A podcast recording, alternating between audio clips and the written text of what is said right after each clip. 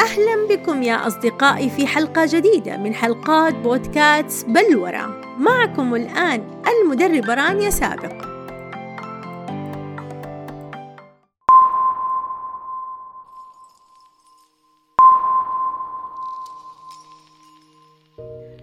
في بعض الأحيان نجلس في مكان ما ربما يكون في المقهى أو في المكتب أو في المنزل أمام التلفاز.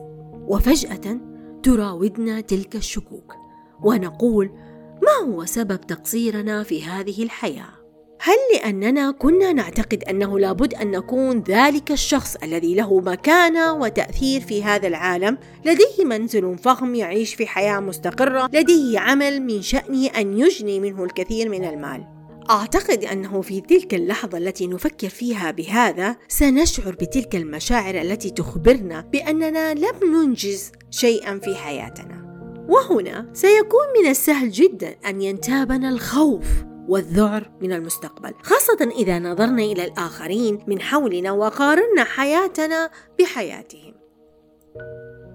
انظروا إلى ذلك الرجل الذي أصبح مليونيرا في سن الثلاثين. وهذه أصبحت أما في سن الثامنة والعشرين وذلك أصبح رئيس شركة في سن الأربعين وماذا في ذلك؟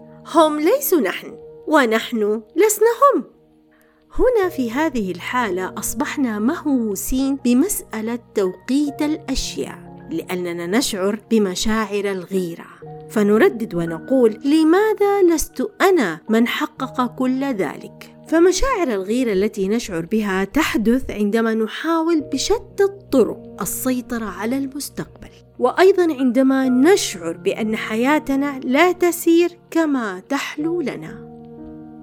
لحظة لابد أن نتوقف هنا عن التفكير لأنه علينا أن نعلم أن كل شخص في هذه الحياة له طريقته الخاصة.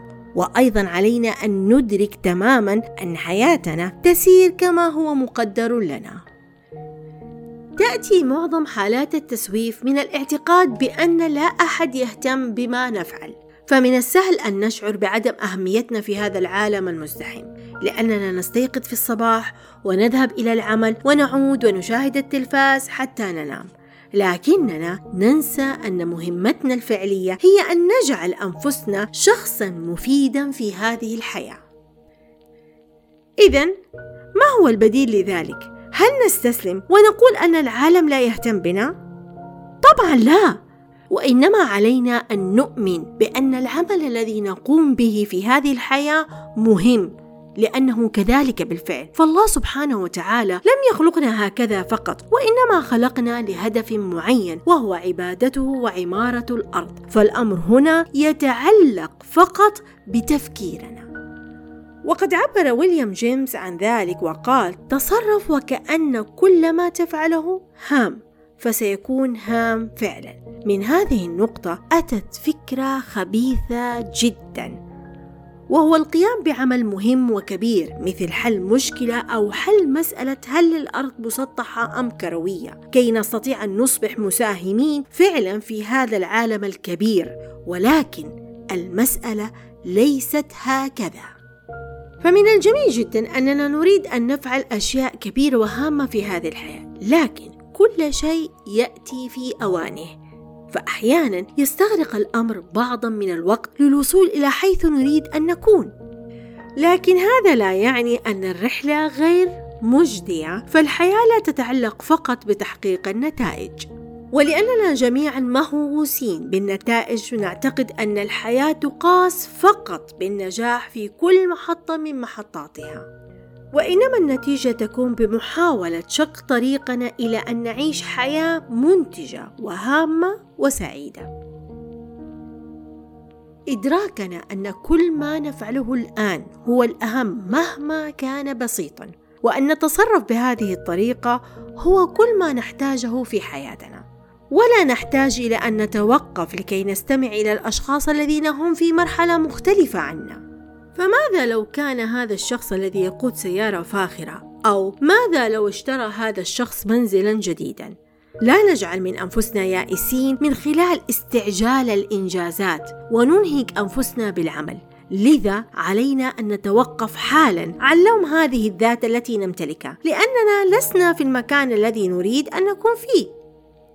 الاعتقاد بأن الإنتاجية ترتكز على تكديس المزيد والمزيد من المهام في كل يوم هذا اعتقاد خاطئ جدا بل على النقيض من معنى الإنتاجية فلنقول أن الإنتاجية تتمحور في محاولة إيجاد طريقة للاستمتاع بما نقوم به في حياتنا مهما كان هذا العمل.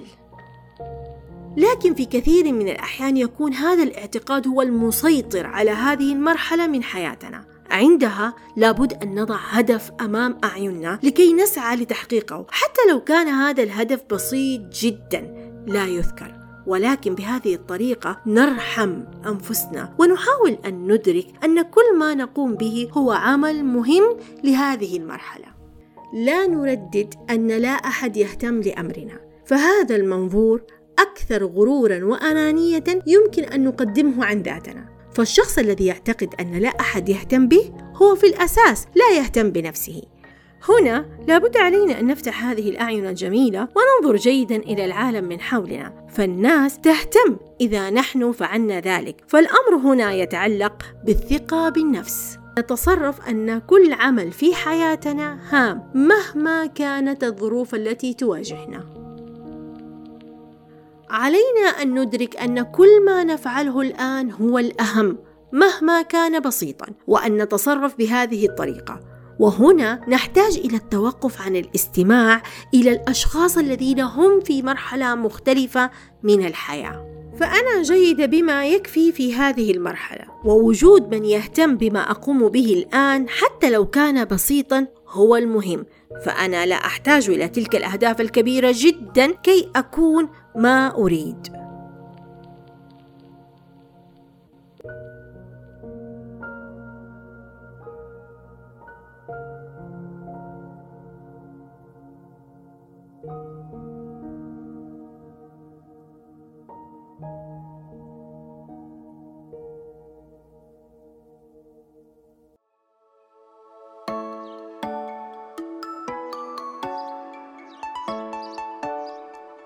وأخيرا وصلنا إلى نهاية حلقتنا. فإذا أعجبكم موضوع الحلقة أرجو منكم الضغط على القلب الموجود في أسفل الشاشة. وأيضا مشاركة الحلقة مع أصدقائكم وأحبابكم. وهناك أمر آخر أود منكم التعليقات الجميلة على موضوع الحلقة. إذا يا أصدقائي شكرا لكم ولاستماعكم ومتابعتكم لحلقة بودكاست بلور وإلى اللقاء في حلقة جديدة. وموضوع جديد معي أنا المدربة رانيا سابق.